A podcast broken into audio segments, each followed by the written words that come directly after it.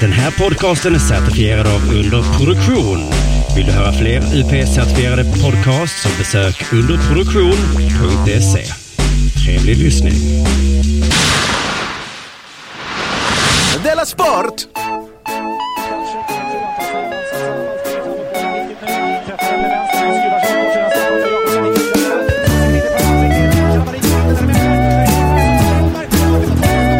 Du lyssnar på det gör du. Vi hälsar både gamla och nya lyssnare välkomna till Delamont Sport, eh, upplaga Della Sport. Det är jag, K. Svensson från Stockholm tillsammans med Simon Chippen eh, Svensson från Malmö. Just det, hej på dig. Hej! Eh, vi börjar direkt tycker jag med att eh, säga tack till vår sponsor Betthard. Eh, som har hemsidan betthard.com. Där man kan gå in då och eh, spela hårt. Tänk att den nailade dem, den hemsidan. Ja, det var så jädra snyggt gjort av dem att, att, att få den. Så att inte behöva ha en sån Betthard eh, punkt Angelfire och så- sånt där. Utan nu kan man bara skriva in betthard.com. Precis det företaget heter ja. ja. Det var snyggt gjort av dem. Det är riktigt. Jag har spelat. Har du spelat? Ja, alltså jag har ju... eh, Oj, vad jag har spelat. Aha. Jag har du- förlorat och jag har vunnit och jag har haft en sån här härlig helg. Men eh, framförallt så tycker jag att vi klappar, eh, ger mig en applåd nu, för jag satte ju en allsvensk trippel. Treling. Gjorde du det? Och då Alltså- hann du kanske före alla lyssnarna som du utmanade också då, antar jag? Ja, jag tror det faktiskt. Jag tyckte jag såg någon på något ställe, men jag tror inte det var Betthard, det är bara det som gälls. Ah, ja, ja. ja. och det var så himla gött, för det var två matcherna var att mitt resultat kom sådär i slutsekunden. Åh, det är det bästa. Såg Ja. du någon av matcherna också så du fick eh, liksom spela ping? Nej, men jag hade pling på ja, så att jag... Pling, jag menar pling. Mm. Ja. Förlåt, jag sa ping. Ju... Ja, jag hade gett upp eh, Sirius-matchen och sen så plötsligt sa det pling och bara nej, fy är det sant? Oj ja, 94. Men- Det som intresserar mig nu är ju såklart hur du tänkte. Eftersom vi har pratat om det, att det är så svårt med... Alltså att det är lite som att spela på, um, på Vikinglotto eller Joker eller vad som Ja, just det. Men jag tog ju de superlägsta oddsen som fanns då. Så jag vann inte så himla mycket pengar. Eh, utan det är med äran som jag, som jag vann nu, tycker jag. För där har jag haft en, eh, en idé om att eh, det inte... Alltså att de flesta matcher har ju nästan... Alltså att alla resultaten har samma odds. Men du lyckades hitta matcher. Kan det vara så att allsvenskan behöver jättemånga omgångar för att stabilisera sig? Ja, precis. Fler än vanligt, ja. Och nu har den någorlunda. Jag satsade liksom mot två som är ett bottenlag. Det absolut sista och det näst, näst sista. Och de förlorade okej. då. Ja, men det, det kanske alltså att varje säsong eh, liksom eh, skapar sina egna bottenlag och det är det man inte vet i början. Nej, precis. Att ska, ska så här IFK vara en slagpåse i år eller vinner de kanske? Det vet vi inte förrän 20 omgångar in. Nej, det är en rolig liga på det sättet. I England så hör man ju på lagen. Ja, Man hör så Bournemouth. Man bara, jag vet att det här är ett skitdåligt lag nu. Tottenham.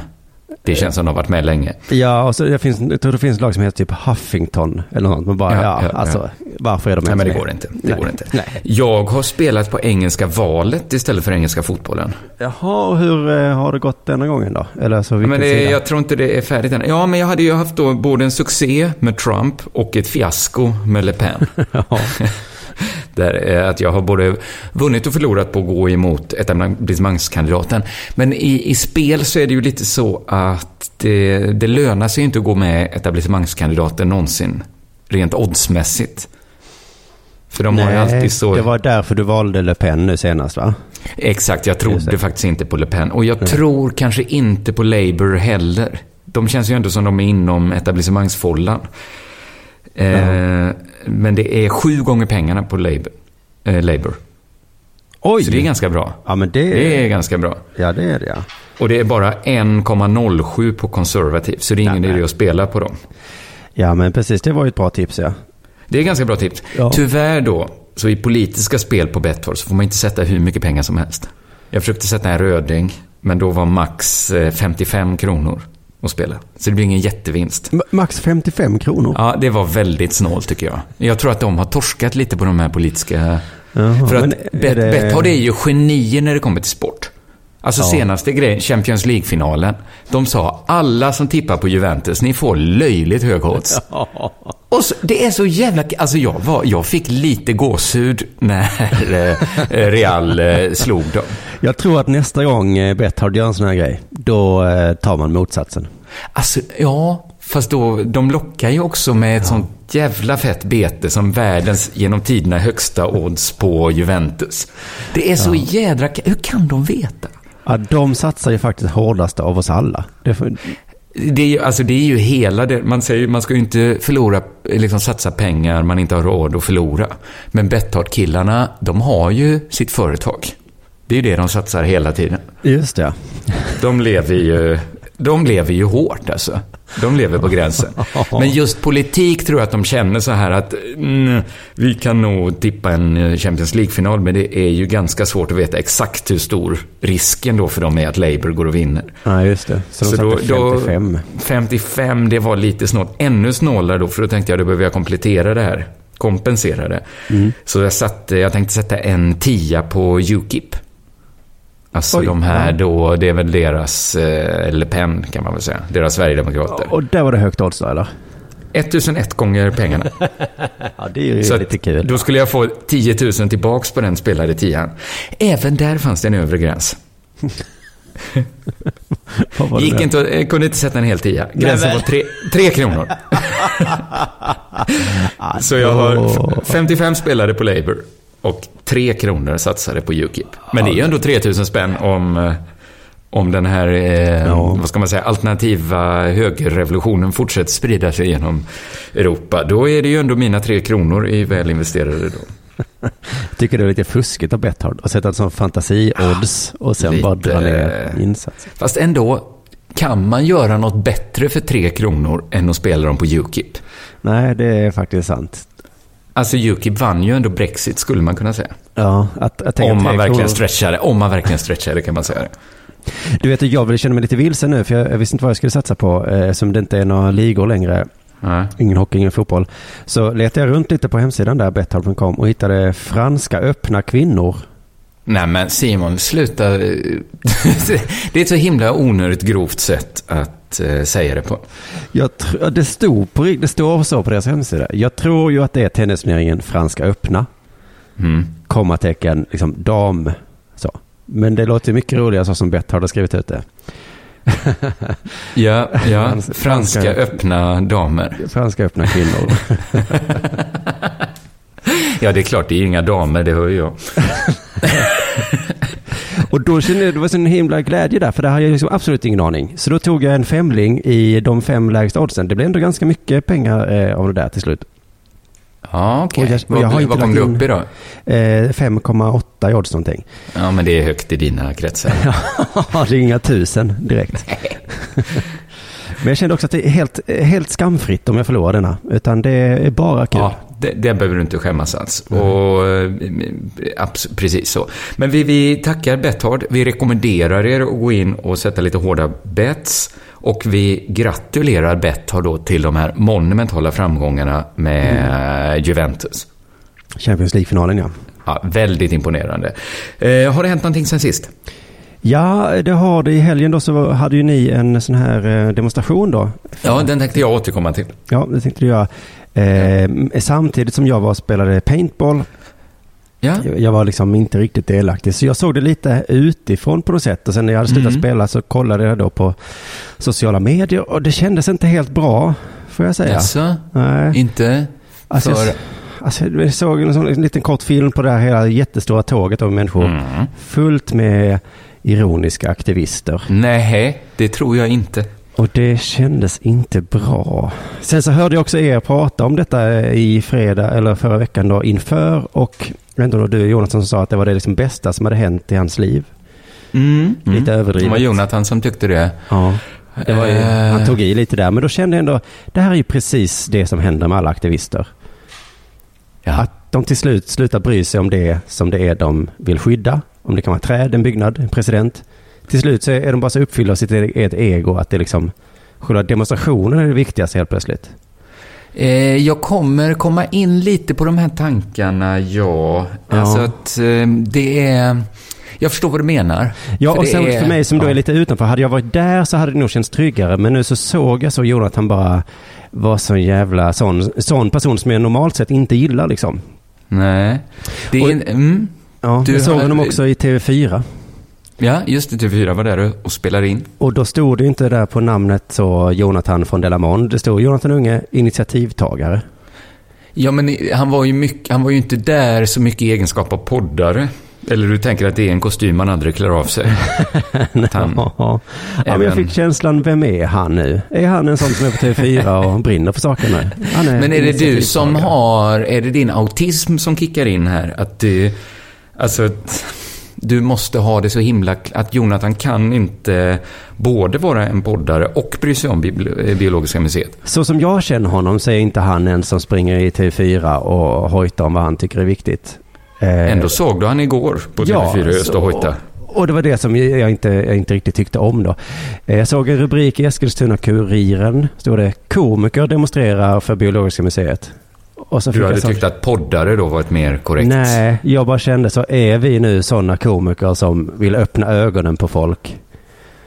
Kändisupproret! Kringlan och Jonathan har skrivit en debattartikel här. Jo, men detta var ju av något som vi trodde vi hade chans att påverka. Vi skrev ju inte sådär, eh, vi måste ha en mycket mer human flyktingpolitik, skrev vi inte.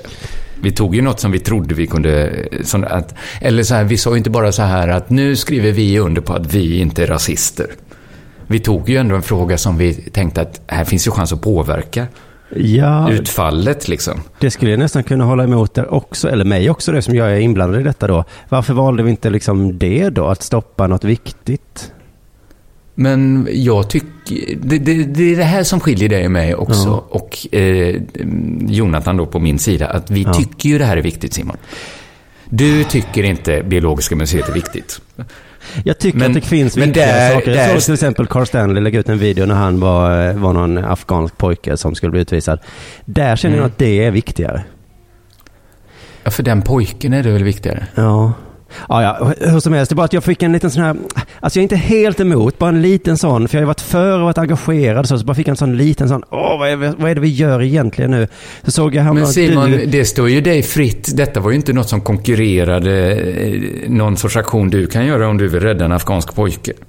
Nej, nej, jag vet, nej men jag har ju halkat Du kan rädda en afghansk pojke varje dag om du vill. Nej, alltså ja, ni får ju göra vad ni vill, jag bara, det var kanske mig själv jag undrar. Jag såg att du hade retweetat en DN-artikel, då är ju världen upp och En, ner. en DN-blogg. Ja, men jag bestämde mig när vi gjorde intervjun för TT att under den här aktionen så kommer jag bryta mitt medieembargo. Ja. Nu ska det bli skönt att gå tillbaks. Ja, du ska det i alla fall. För sist jag såg dig twittra om DN, då var de horor. Nu är du kompisar med TV4 och DN. Nej, men Sån känsla de fick jag. Du och. Jonathan är sådana nu. Hallå TV4, hur är läget? Vill ni ha två lustiga killar i ert morgonprogram? Det är väldigt märkligt att just du är så kritisk mot eh, aktionen att rädda Biologiska museet. Vi kan Det är vara du, lustiga killar i TV4 Östermalmsnytt morgon. och tidningen Fokus. det Skämta är väldigt lite, märkligt. Skämta lite Att- Peter Gide. Det var den känslan jag fick av dig och Jonathan som jag inte riktigt tyckte om då. Att vi var beredda att göra vissa uppoffringar för något vi tror på. Nej, men det är mycket bättre att göra som Carl Stanley, att, att eh, vlogga lite. Ja, det Det var bara, jag vill bara berätta om min känsla. Jag Om man jämför med att vlogga också. lite så var det naturligtvis ingenting vi gjorde. Nej, det det, det var jättefint. Det var också jättefint. Jag var på min systersons dop och blev fadder i Aha. lördags. Så jag skulle hålla min hand på barnet medan prästen sa några besvärjelser. Ja. Och jag stod längst fram då under hela ceremonin. Och jag tyckte det var ganska fint så med min familj och så. Det var gulligt med mina systerbarn eh, stod där. Och det var gulligt. Men Mm. när vi sjöng sådana här Jesus-sånger Ja, psalmer. Ja, just det. Så kände jag, det var så intressant tyckte jag att jag kände sån stark aversion mot eh, när det sjöngs om Jesus och sånt. Att jag blev liksom, ah. Fick du en sån för många, eller det händer ju folk att de får mer, att de blir uppfyllda av Jesus och tror på Jesus när de är med om något sånt här. Ja, nej Det precis. händer ju ibland att man känner den helige ande komma över sig, men du kände liksom den ohelige ande drabb, slå dig som en slägga i huvudet. Ja, det kanske var djävulens, eh, vad heter det, verk då. För jag, nej, det var precis så ja. Och det var Du inte kände en stark frånvaro av Gud. Var det så? Gud, vad det, det, det saknas något här inne. Det är Gud. Det finns ingen... Precis.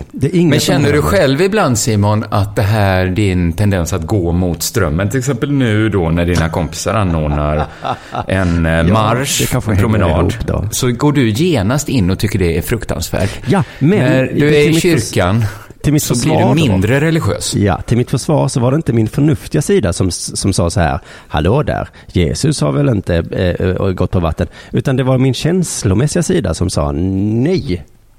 Inget Nej. Eh, Jesus Kristus här inte. Nej, okej. Även om du hade känt av Guds närvaro så hade du känt så här, åh, det är inte för mig.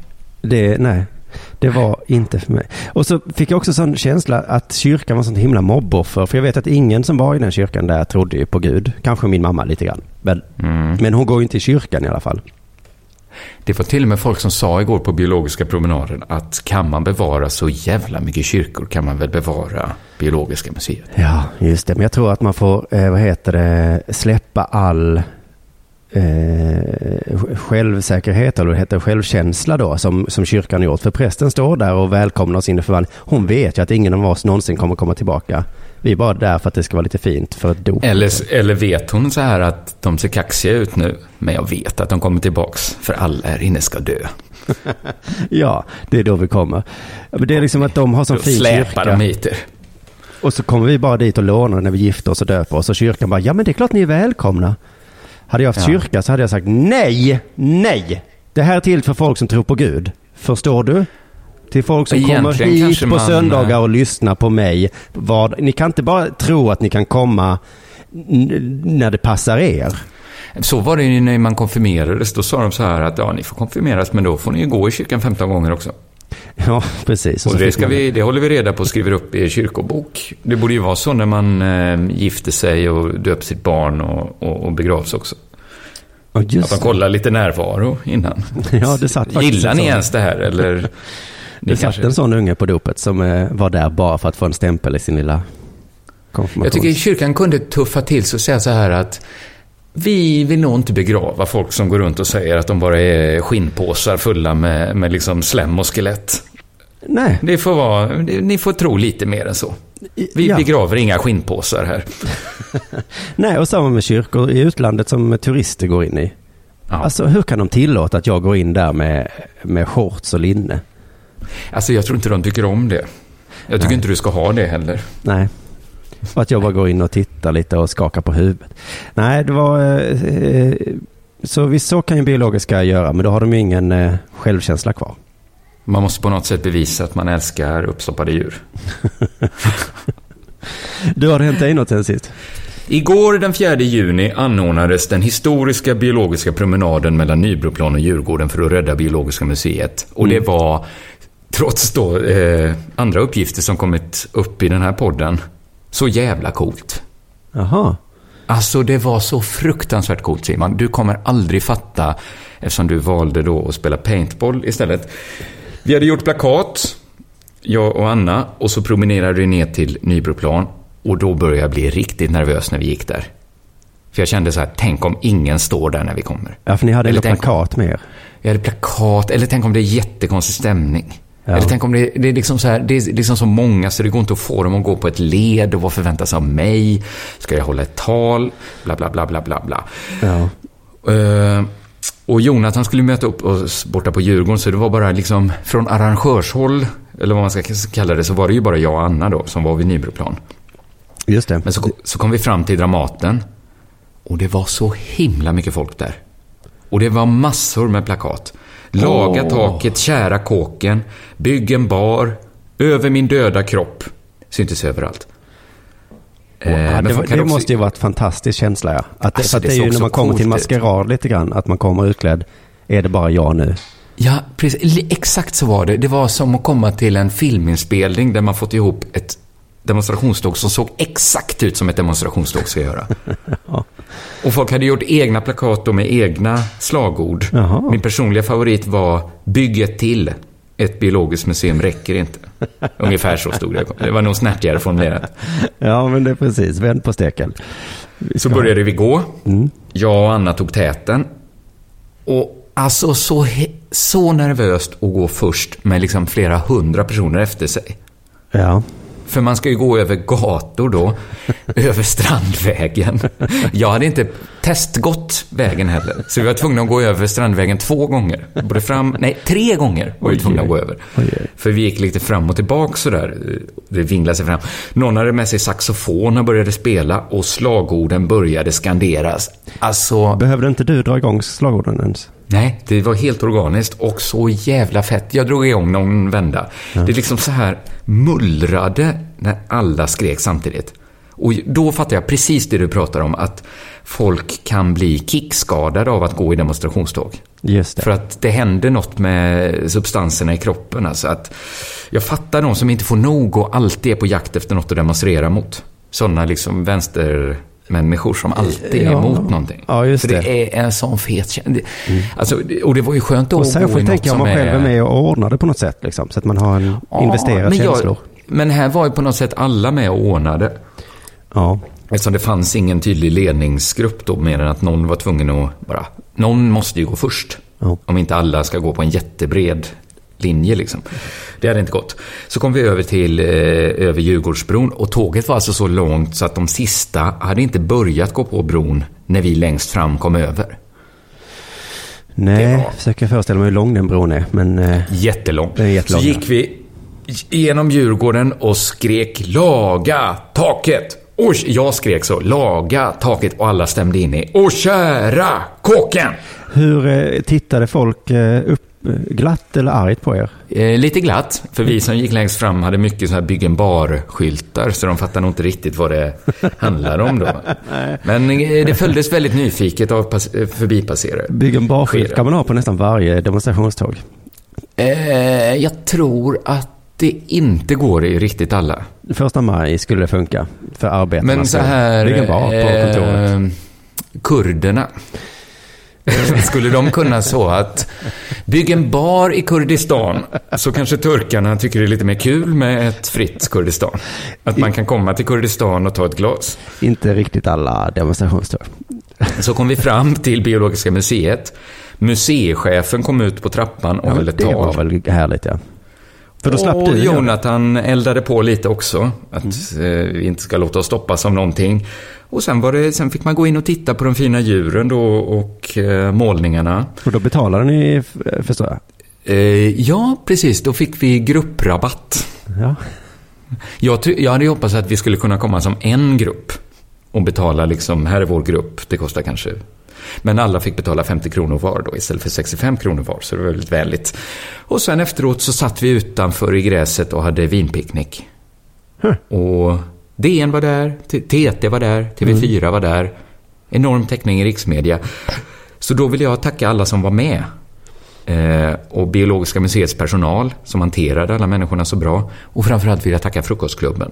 Förutom Frukostklubben hade nog aldrig den biologiska promenaden blivit av. Frukostklubben, vår eh, stora redaktion som finns på Facebook ja. Eh, Sveriges modernaste eh, redaktion är det de som säger. Oj. Ja. Det får jag nog hålla med om. Eh, annars då? Jo, jag håller ju på med mitt icke-drickande. ja, drack du eh, svagvin på Eh, demonstrationen? ja, det gjorde jag. Det gjorde jag. Men annars är det enda jag dricker 2,8 folköl. Det är inte många folköl det. Inte ens tre.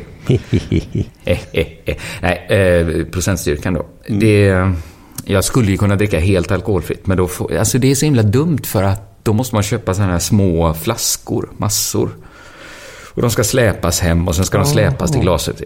Men så tänker jag så, inte ens staten tycker att 2,8 är nog för att det ska kallas alkohol. Alltså med skattesatser och sånt där. Nej, så då nej, tänker nej. jag, då duger det, för, duger det för staten så duger det för mig. Ja, okej. Men du vet att om man dricker många öl då, då blir det ju samma sak nästan. Ja, det blir ju inte samma sak som att dricka många jättestarka öl. Nej, inte många då. Nej. Nej. Och sen har jag då en eh, klausul som jag skrivit in själv. Att jag dricker lite vin när vi har gäster eller är bortbjudna. Ja, men det är bra. Alltså, man får vara lite social också. Just det. Så i fredags var vi på restaurang med mina föräldrar. Tog jag några glas. Och i lördags hade vi middag. Tog jag, tog jag ett glas vin när gästerna kom.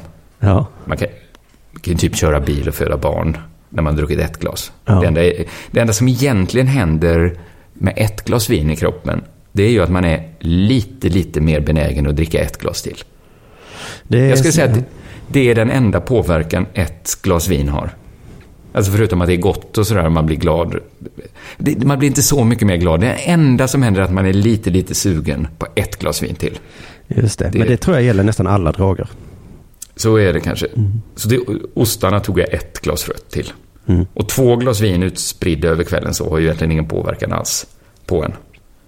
Nej, vad duktig, Eh. duktig du är. Eller du är inte duktig för du vill inte För, förutom då att man blir lite mer benägen att ta ett tre, litet, litet tredje glas vin. Jaha, ja. Så någon gång efter midnatt när det bara var jag, Anna och min brorsa och hans tjej kvar så drog jag ett eh, tredje glas vin. ja. Då blev jag lite, lite, lite full. Då, då kände jag ändå av att jag hade druckit tre glas vin. Kändes, jag började prata lite högre och fick mycket starkare åsikter om muslimer än jag har i vanliga fall. Alltså, allt det vanliga som händer efter tre glas vin. Och att jag vaknade upp på morgonen och mådde lite, lite sämre än jag brukar göra. Det, det, det hände ju på tre glas vin tyvärr.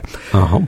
Eh, men i söndags då så var det ju den biologiska promenaden och då drack jag ett glas portugisiskt eh, svagvin också. Men vad är det här? En eh, alkoholistbekännelse? Och sen drack jag ett glas till. Men sen var flaskan tom, så då blev det inget mer. Nej. Så g- ganska dålig helg då för mitt eh, icke-drickande. Ja, Väldigt ja, ja. trevligt å andra sidan. Men jag måste säga så här, nu har jag ju druckit då en helg. Känslan är att det är för omodernt för min smak att dricka alkohol. Jag kommer nog sluta helt. Vi får se. Jag ska, jag ska fortsätta uppdatera här i Della Mod. Ja, gör gärna. Exakt hur många glas du har druckit Ja, eh, av, av olika sorter. Eh, sen innan vi kör igång med sport och spel och idrott så skulle jag vilja berätta att imorgon så släpper jag del 12 i min serie på bibliotek som heter K. Svensson Harmony Studies. Det är säsongsavslutningen på säsong 2. Del 1 till 8 var säsong 1 och nu avslutas alltså del 9 till 12 som är säsong 2. Finns i biblioteks poddfeed där man också hittar min stand-up special Force Majeure. Ja, vad fint. Det var det. Eh, nu är det dags för det här.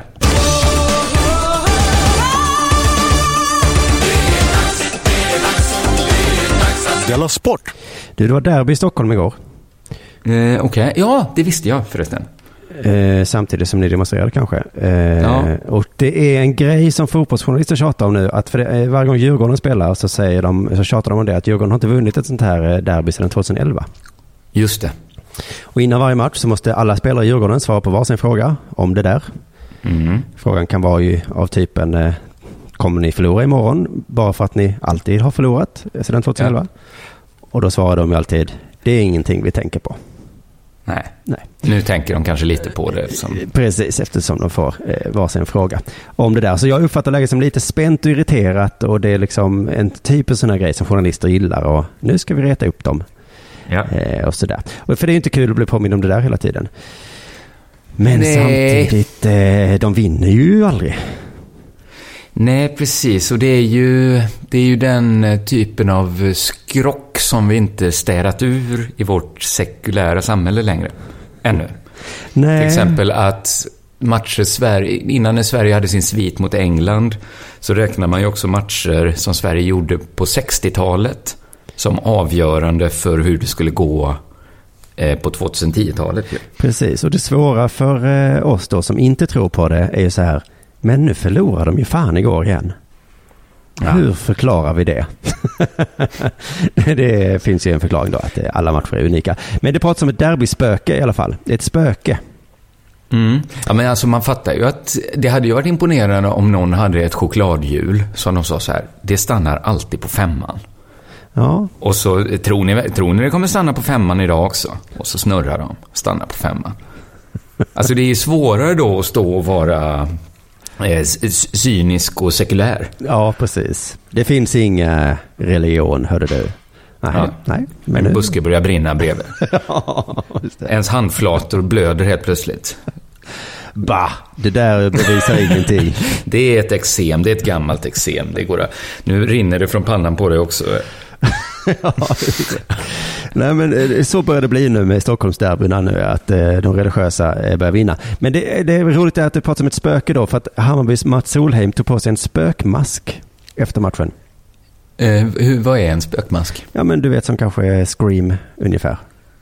Men den, den mest klassiska spökmasken är väl ett vitt lakan med hål för ögonen. Ja, ja, ja. Nej, men den här hade svart hår också tror jag. Eller någonting. Det, det Men en trollmask? Ja, men det såg ut som ett spöke. Du får kolla i en tidning. Om du, Okej, om du, för jag tycker inte Scream-masken är ett spöke. Nej, det är ju en screammask det. Nej, men det här var... Eh, det, eftersom de hade pratat om derbyspöke så var det tydligt vad det, vad det handlar om också. Ja, Det ja. satt inga autister som du på läktaren. Och, Nej, vad är det här? Vad är det? Derbytrollet? Derbygasten? Vad är, det, vad är det frågan? Jag trodde det skulle vara ett derbyspöke här. ja, det är helt obegripligt. Eh, men det var någon i publiken som hade tagit med sig en spökmask och det är ju typiskt publik att hålla på och reta sådär. Ja. Och, och så fick då spelarna ta på sig masken och då var journalisterna tvungna att ta upp det här med Djurgårdsspelarna då, såklart. Eh, Tror ni på spöken?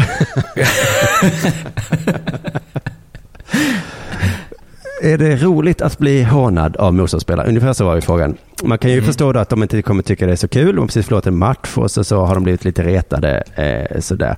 Men Magnus Eriksson är så himla sur eh, och det, jag tycker att det är lite roligt. Han han får då frågan, vad tycker du om att Mats Solheim tar på sig en spökmask?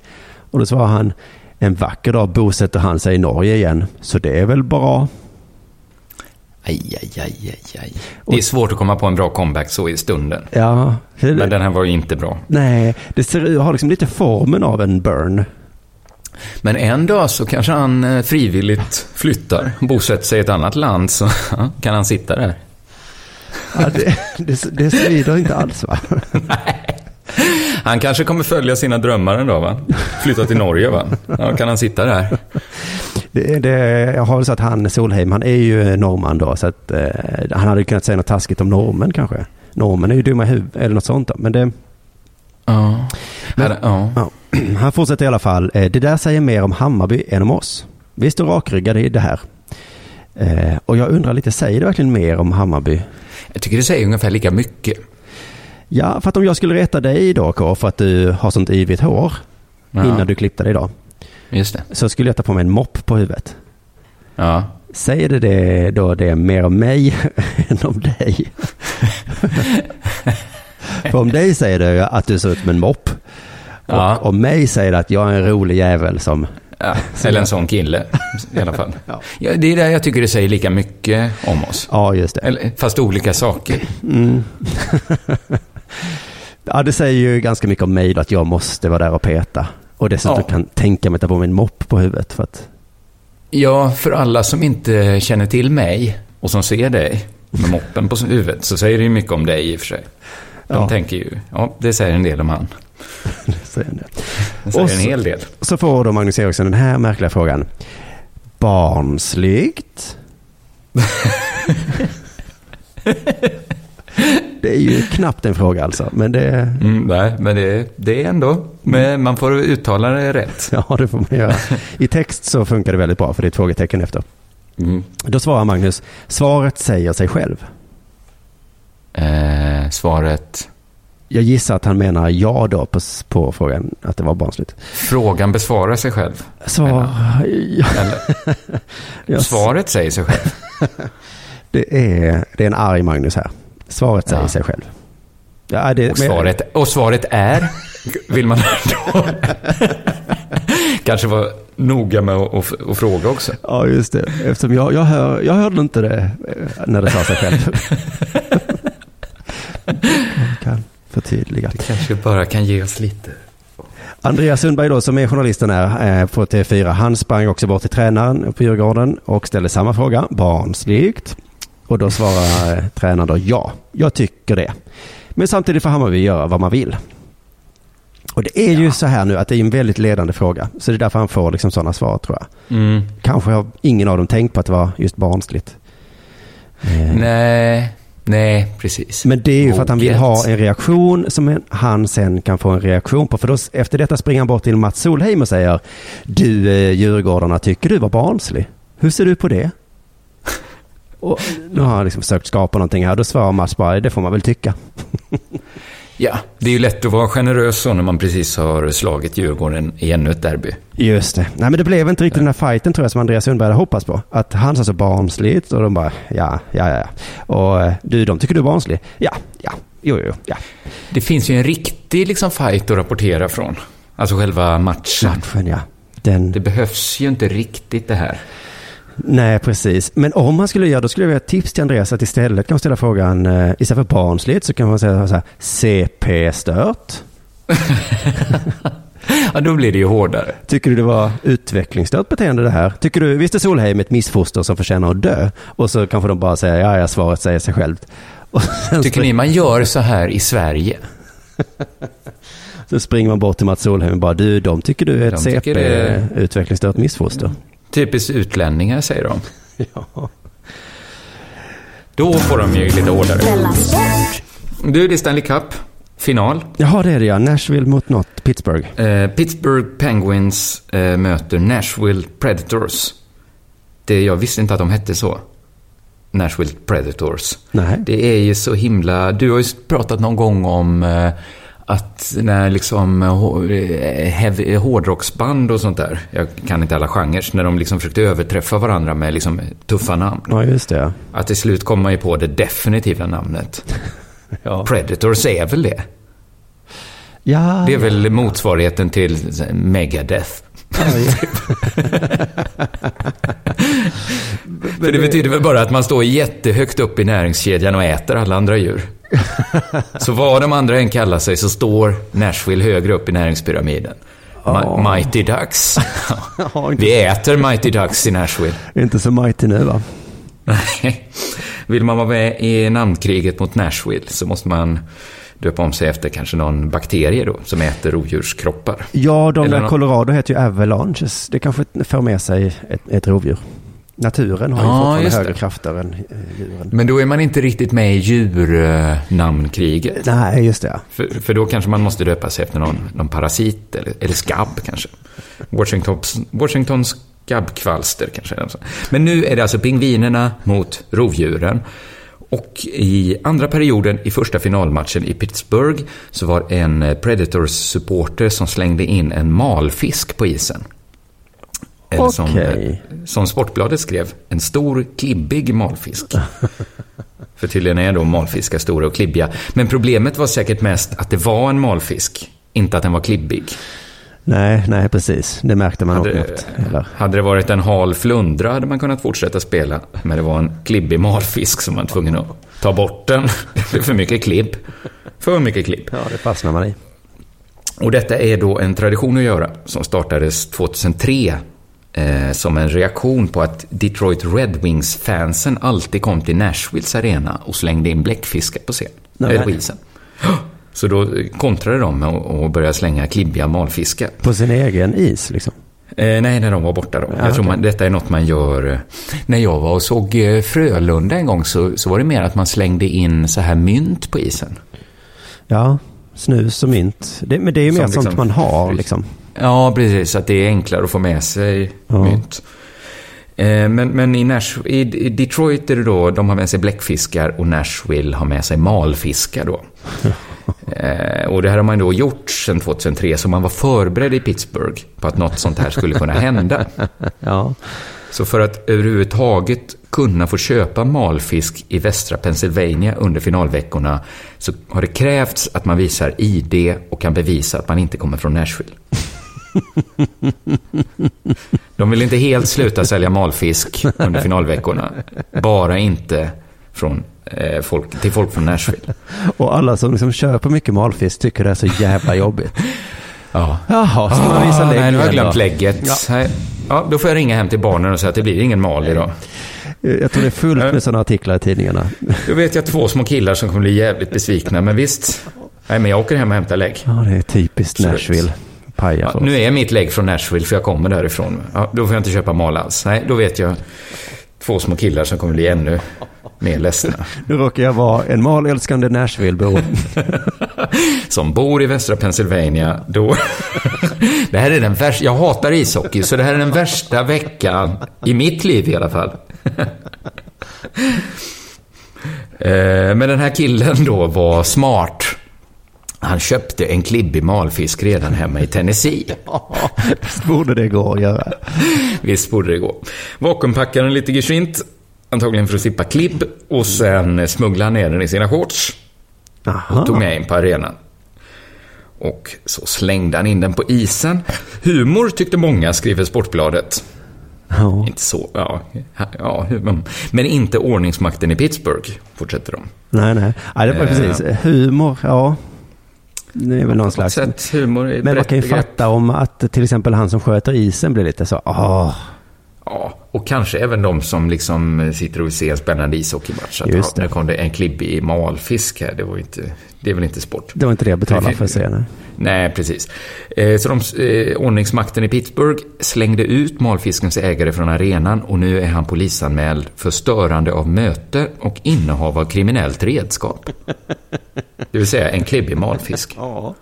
Tänk vad lagen blir skojig ibland, ja. Ja, det visste man inte att lagen var formulerad sån att en klibbig malfisk kunde ses som ett eh, innehav av kriminellt redskap. Och det här har då i sin tur väckt upprörda känslor i Tennessee där lokalpolitiker vädjar till myndigheten i Pennsylvania att ha överseende med något som de betraktar som ett busstreck. Nej, nej, nej. Det är lätt för dem att säga, ja. Men jag har inte hört talas om busstreck innan. Men jag förstod då att det är det köns och åldersneutrala ordet för ett pojkstreck, va? Ett busstreck. Jaha, jo, ja, men busstreck finns ja. Mm. Jag har bara Pojks- hört pojk... Ja, Ja, ja. Men det är då ett, ja, det är väl ett streck som har spårat ur på något sätt. Eh, men det är intressant att man har eh, så himla olika syn på vad det är att slänga in en malfisk på en ishockeyis. Och på vad en malfisk är. Ja. För i Pennsylvania så räknas det då som innehav av kriminellt redskap. Bara att ha själva den klibbiga fisken. Och att sen slänga in den på isen är störande av möte. Och i Tennessee så är det här bara ett busstreck. Och vi som står och ser på utifrån, vi känner väl att det kanske är någonstans i mitten. Vi tycker inte att en malfisk är ett kriminellt verktyg. Nej, det, nej. Men samtidigt kan vi säga att handlingen att slänga in en malfisk på isen är ett störande av ett ishockeymöte. Ja. Rent objektivt tror jag att det är störande när det kommer en, en, en klibbig fisk eh, svingandes ö- över sargen. Eh, advokaten Rob McGuire, perfekt namn på en advokat från Ja, Tennessee tycker verkligen. jag. Och han har kopplats in på det här fallet nu alltså. Han har kopplat in sig själv. Själv, ja. Han har erbjudit sig att åka till Pittsburgh och försvara malfiskkastaren. Han säger så här. Jag kan försvara Nashville-supportrars rätt att slänga malfiskar på isen dagen lång. Ja. Och jag, Ja, då jag undrar jag, tänka så att han här, har har han tänkt igenom det? Har Ja. han tänkt igenom det? Hur tänker han göra det? Ha, menar, han menar då att Nashville-supportrar verkligen har en rätt att slänga malfiskar på isen. Det kan han väl inte tycka? Nej, men han kanske kan dra korten att det inte är så farligt och så. Nej, precis. Det tycker jag hade varit ett bättre försvar. Istället för att försvara rätten att alltid få slänga en malfisk på isen. För jag, där tycker jag man kan upphöja det till en mer liksom allmän maxim. Att vill vi leva i en värld där allt, man alltid har rätt att slänga malfisk på ishockeyis. Nej, alltså det är ju det som är problemet här tycker jag, att de alltid gör det. För att hade Dessutom- det hänt en gång. Ja, men det kanske är så man gör i Tennessee. Att de hade problem att det kom folk från Detroit och slängde bläckfiskar på deras is. Och då funderar de så här. Ja, det är vi beredda att dö för er rätt att göra. och då kanske någon sa så här, men hur skulle det se ut om alla slängde liksom blötdjur på isen? Ja, låt oss testa. Låt oss testa. Ja. Vår grej blir att slänga malfiskar nu och det, den rätten är vi alltså beredda att försvara dagen lång. Den heliga rätten att få slänga fisk på ishockeyis. Ja. Nej, men det kommer ju få fortgå till någon liksom går över gränsen och kastar ännu större. Val till exempel. Börjar kasta haj in på, på isen. Ja, men jag tror också att... eh, För vissa går ju gränsen vid en malfisk. Ja. För vissa går säkert vid en bläckfisk också. Men jag tror att man inte behöver liksom upp i volym på haj och val sådär, utan bara att om det kom en 300-400 malfiskar åkande över sargen, Just det. Då tror jag ändå att till och med Rob McGuire skulle känna att det här kan inte ens jag försvara. Inte dagen lång i alla fall kan jag inte lägga på att försvara det här beteendet. Det den här, här- rätten då, den här naturgivna rätten att få slänga fisk omkring sig. I en delstat där människor från ens egen delstat inte ens får köpa malfisk. Nej, just det. Det är ju en, ja. ja, det är om detta. Du lyssnar på Della Sport.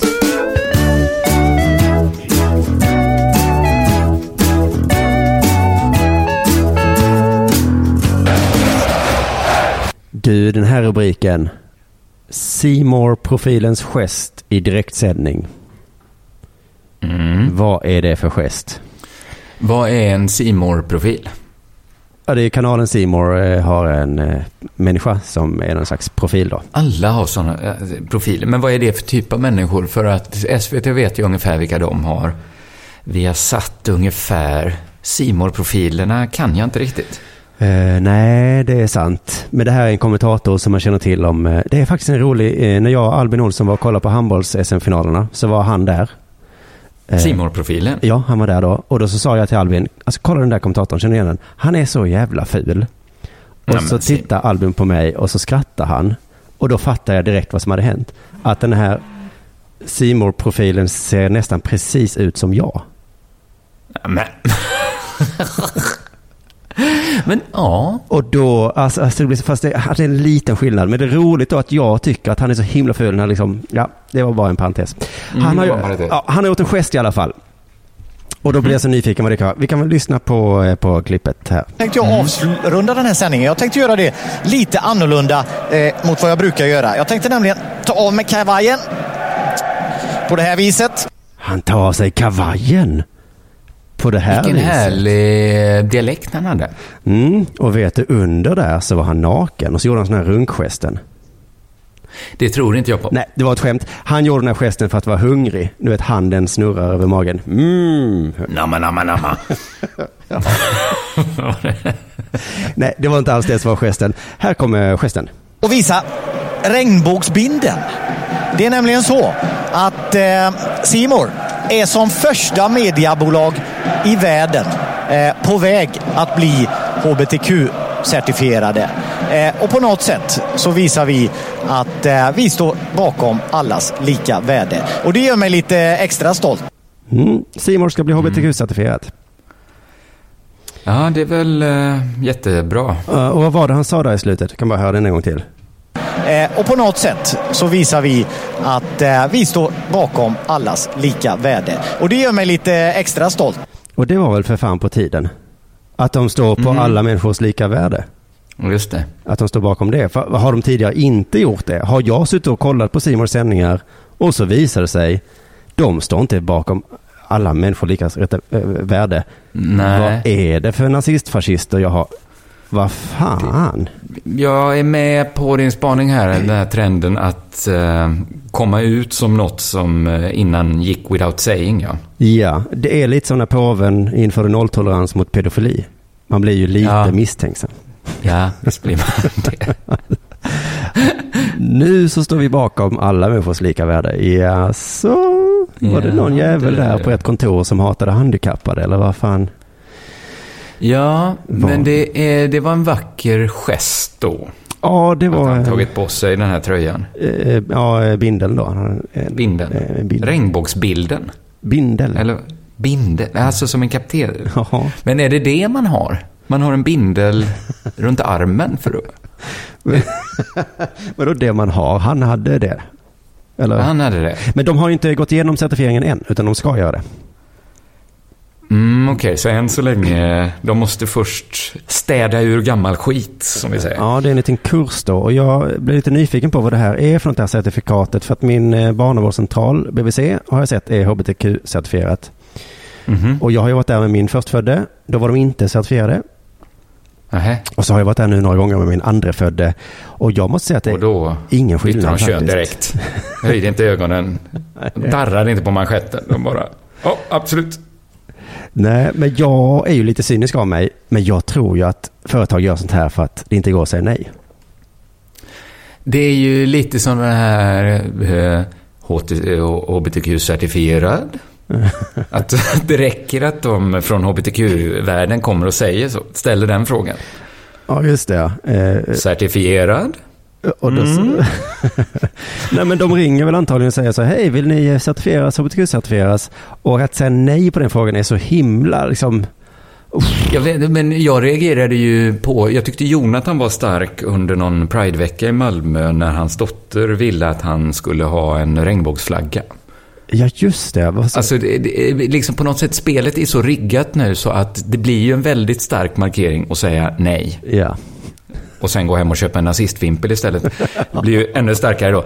Men, men, men det är ju, positionen är ju så pass framflyttade att, att icke-valet är ju egentligen att bara säga absolut, självklart ska vi vara Ja, ja, precis. Men eftersom jag inte riktigt visste vad det var så vågade jag inte. Men nu har jag läst på lite då om eh, vad det är på RFSLs hemsida. Om man går den här kursen då så ska man få verktyg för att kunna arbeta systematiskt med likabehandling, bemötande och mänskliga rättigheter. Och när man hör det ordet mänskliga rättigheter, då vet man att det här är skitsnack. Det här är någon som Eh. inte har någon aning om vad de pratar om. Ja, men det har ju inte så mycket med mänskliga, mänskliga rättigheter att göra att eh, kommentera fotboll på Simor. Nej, är det asylfrågorna eller barns rättigheter kanske? Eller är det människors rätt Mm. att ingå äktenskap och bilda familj kanske de ska utbildas inom Ja. där? Eh, att man ska ha rätt till dom. Rätt eh, att det- Man ska rätt, eh, liksom få en rättvis eh, rättegång. Just det. Kanske de eh, kämpar mycket för nu då på Simor. Äganderätten, det ska de arbeta systematiskt med då på den här kanalen. Men jag ska vara lite snäll här och tolka, jag tolkar bort det där sista. Så de ska jobba med lika behandling och bemötande i alla fall. Och det känner jag så jävla spännande. Att få gå kurs i lika behandling och bemötande. Mm. God dag! Fan, alltså man skulle vilja gå den kursen. Om det kommer in en, en bög på kontoret så ska man ju inte säga, gissar jag, Hallå, hade du Men- något gött analsex i helgen? Jag tror att det är som när man gick i skolan och det var så ANT-veckor. att Till vår skola kom det en sån eh, forumteater, hette de. Som spelade upp små improviserade skådespel och sen fick man ropa så här stopp. Och så fick man liksom knacka en av skådisarna på axeln och gå in och ta hans Ah, plats liksom. Ja. Så att man kan säga så här att de börjar spela upp att och idag har vi en ny eh, kille på, um, på Simor. Han ska bli en ny simor profil Och då ropar man så här, stopp! Och så ersätter man han som är på väg in och så säger man, God dag, mitt namn är Hagamannen. och så testar man om de kommer bemöta han som en helt vanlig kille då, precis som alla andra med, med samma ja, just men samma, eh, som han har då har suttit av sitt straff och det ska inte finnas något som hindrar att han får jobb på Simor. Nej, nej, precis, nej. Eh, ja, men det precis. Mycket spännande med just bemötande då, för det, eh, det tänker man inte alltid riktigt på hur man bemöter folk. Eh, hitta mer här då. Det ska vara fokus för hbtq-certifiering. Nej, fokus för hbtq-certifiering är hbtq-personers livsvillkor. Ja. Och jag undrar då bara lite, vilka är nu de igen? Hbtq-personernas livsvillkor. Jag blir ju ofta kallad för queer, alltså Q där. ja, just det. Och inte ens jag vet vad mina livsvillkor är. Men du har det väl ganska bra, va? Ja, mina villkor är nog rätt bra tror jag. Ja, Villkoren för mitt liv. Men då är det väl det att man ska få fortsätta ha det bra. Ja, just det. Det ska också vara normer som är kopplade till kön och sexualitet samt vad, HBTQ, samt vad ett hbtq-kompetent bemötande innebär.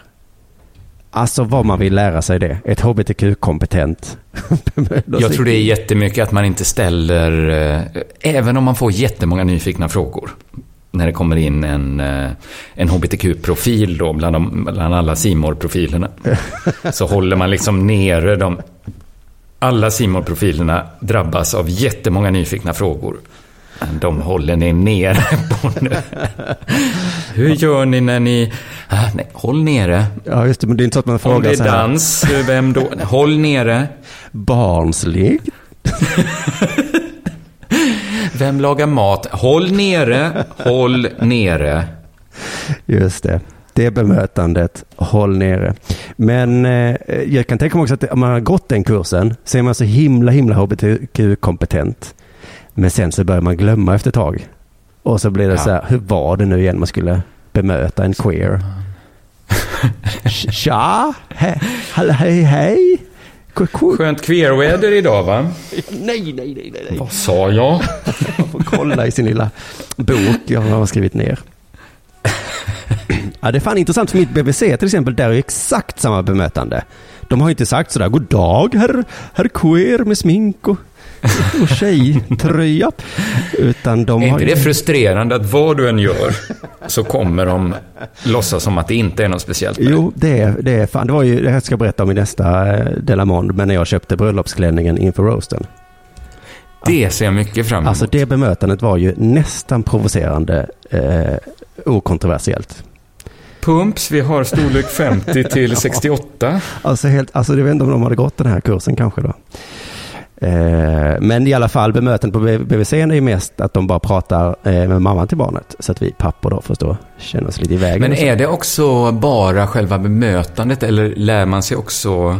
För det skulle ju kunna vara så att när det kommer en, en hbtq-profil in bland simor profilerna så, så, så liksom bemötandet är liksom klanderfritt. Ja, Även, även när du har varit liksom på proms and wedding och köpt kläder. Mm. Då är bemötandet perfekt.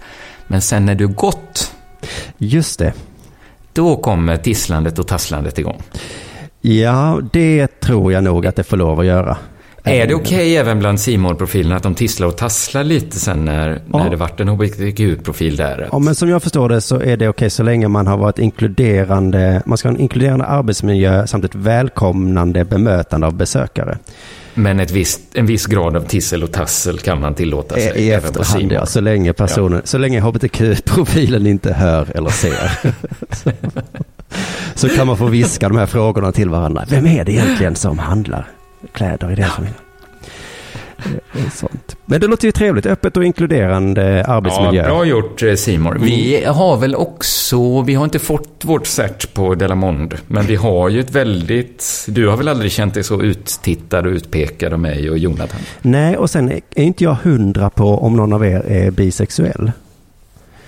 Nej, För det undrar jag hur man liksom ska veta om någon kommer in på kontoret. Eh, om man ska bemöta en bisexuell på exakt samma sätt som är vanligt. Men man vet ju inte om den är det. Kanske samma med homosexuell, inte alltid man har koll man får det. chansa då tror jag, helgardera med att bemöta alla exakt likadant. Ja, just det. För trans och queer kan tänka mig, det kanske syns så. Att man liksom hajar till. Ja. oj, Oj, oj, vad har hänt här? Men det andra, kanske får man lära sig på kursen att ha en jättebra gaydar. Så att man har koll då. Så man snabbt känner av det. Ja, och sen blixtsnabbt kan behandla den människan som som Men det är mest, man har mest nytta av det till det efterföljande eh, tisslet, Tisslet och tasslet, ja. Men det tror jag är viktigt, precis som du säger. Att först ska man haja till och bara, ah, här har vi en bi. Och sen, precis som vanligt. Då plockar jag fram min verktygslåda som jag fått med mig från certifieringen, kursen. Men jag tycker de ska väl få certifiera sig jättemycket eh, utan att jag ska behöva bråka om det. Eh, men jag bara tycker det är lite roligt. Om jag hade tvingats göra det här så hade jag nog frågat varför. Eller något i den stilen. Men jag bara såg en liten film från Simor eh, där de skröt om det här. Och personalen är så himla med på detta redan innan de gått kursen. Mhm. Tänkte vi ska lyssna lite på någon av, eh, eh, alltså de fick frågan redan innan, varför ska det här vara så bra? Jag tror att det är viktigt att vi alla hamnar på mer samma plan för att man eh, varje dag ska kunna tänka på det här och inte exkludera någon i, i språkbruk, i bildval, Nej, så varje dag ska de tänka på att inte exkludera någon. Det tycker jag är fint. Så alla ska vara med på alla bilder. Idag möts Hammarby och Djurgården. Andra lag, till exempel Elfsborg. Andra sporter, cykel, häst, fiske, dragkamp. Mm. Saker som inte är sport. Bord, stolar, all sorts inredning. Nästan. Förutom de som är sport. Hur bildsätter vi den här cupfinalen? Ja, det får bli ett bord då va? Ja. Ja. Och även saker som inte är bord naturligtvis. Det tar vi till VM-finalen då. Det kan vara saker som, som inte är bord. Ja. En annan på Simor har fått för sig att eh, det här är viktigt att göra för att det är så många som mår illa. Därför att det är väldigt många människor som far illa och mår illa. Alltså, är det av Simors sändningar han tänker här att det homosexuella han pratar om? Ja, det som då har bänkat sig framför Simor Ja, och så inte en enda transperson nej precis. Men- hela derbyt. Om det är så att folk mår illa och far illa av Simors sändningar, då måste de ju verkligen göra någonting. Att man sitter och Fast kollar. lite tycker jag där också man kan... Eh, vårdcentraler är svårt liksom sådär. För det är ju det som finns. Men det finns ju mycket annat man kan titta på än Simor som man mår så dåligt av då att titta på. Ja, just det. Du menar att då kan man byta kanal då? Ja, men jag brukar göra det om, om jag tittar på något som får mig att må väldigt dåligt. Så kanske jag känner, då tittar jag på något annat nu. En liten stund i alla fall. Ja, just det. Tills jag mår bättre igen. Tills man mår bättre så kan, man, kan du slå över och Men titta hur, på. hur brukar du som queer göra? Ja, nej, jag har ju fullt fokus på idrotten då. För det är mest därför jag Ja, kollar på. Simor då. Så det är, om det är ishockey eller fotboll så tänker Men jag. om du börjar må väldigt dåligt? Ja, men då är det antagligen för att mitt lag förlorar. Eh, tänker jag. Ja, det är kanske det de skulle göra någonting åt. Den kursen. Folk mår ju- mår ju väldigt dåligt när deras lag förlorar också. Mm. ja, skulle... folk far faktiskt illa. Gör de. Och sen får jag en liten känsla av att de inte helt vet om vad det är för kurs de ska gå. Nu har den här sista personen. Och kan vi göra lite nytta genom att eh, på något sätt gå i bräschen för eh, hbtq-personer så känner jag mig jättestolt över att det är just det som gäller. Men ja, alltså ska de gå i bräschen? Jag tycker inte riktigt det är gå i bräschen 2017 att ha en kurs i att inte liksom eh, aktivt kränka bögar. Nej, den bräschen har väl redan gått va? Ja, det är nog därför de andra inte redan är hbtq-certifierade. Att de tänkte att men, Just det det. behövs kanske inte. Va? Vi, har väl, vi brukar väl inte... Nej, den bräschen. Men det är, ja, ja, ja. Men hon tänkte att finns det något hon kan göra så vill hon gärna göra det. Och det, det kan man väl förstå liksom. Men jag tycker bara det är lite, lite intressant att det finns en miljard frågor man kan ställa. Men de är redan övertygade om att det här kommer bli superduper. Så jag tänkte att jag skulle hitta på lite kurser. Ringa upp till exempel Simor och Mm. eh, föreslå eh, SD-cert. Ifall någon Yes. röstar på Sverigedemokraterna, hur bemöter man det? Ja, just Så att den inte känner sig exkluderad. det. Det blir dålig stämning och så. Just det, det kan det ju bli. Vi som inte tittar på Game of Thrones certifiering då, så att vi som inte ser på den serien inte ska behöva känna oss utanför så himla mycket. Man Ja, kan prata det. om andra tv-serier också.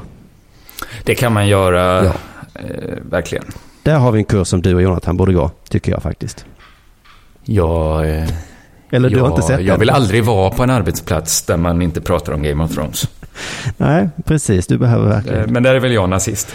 Ja, det, det får man väl säga. Men då tackar vi för eh, Della Monde idag då. Ja, och vi rekommenderar er att gå in på bettor.com och sätta några riktigt eh, hårda bets. Det gör vi. Så tackar vi så hörs vi igen på onsdag. Det gör vi. Hej. Hej. Denna sport görs av produktionsbolaget under produktion.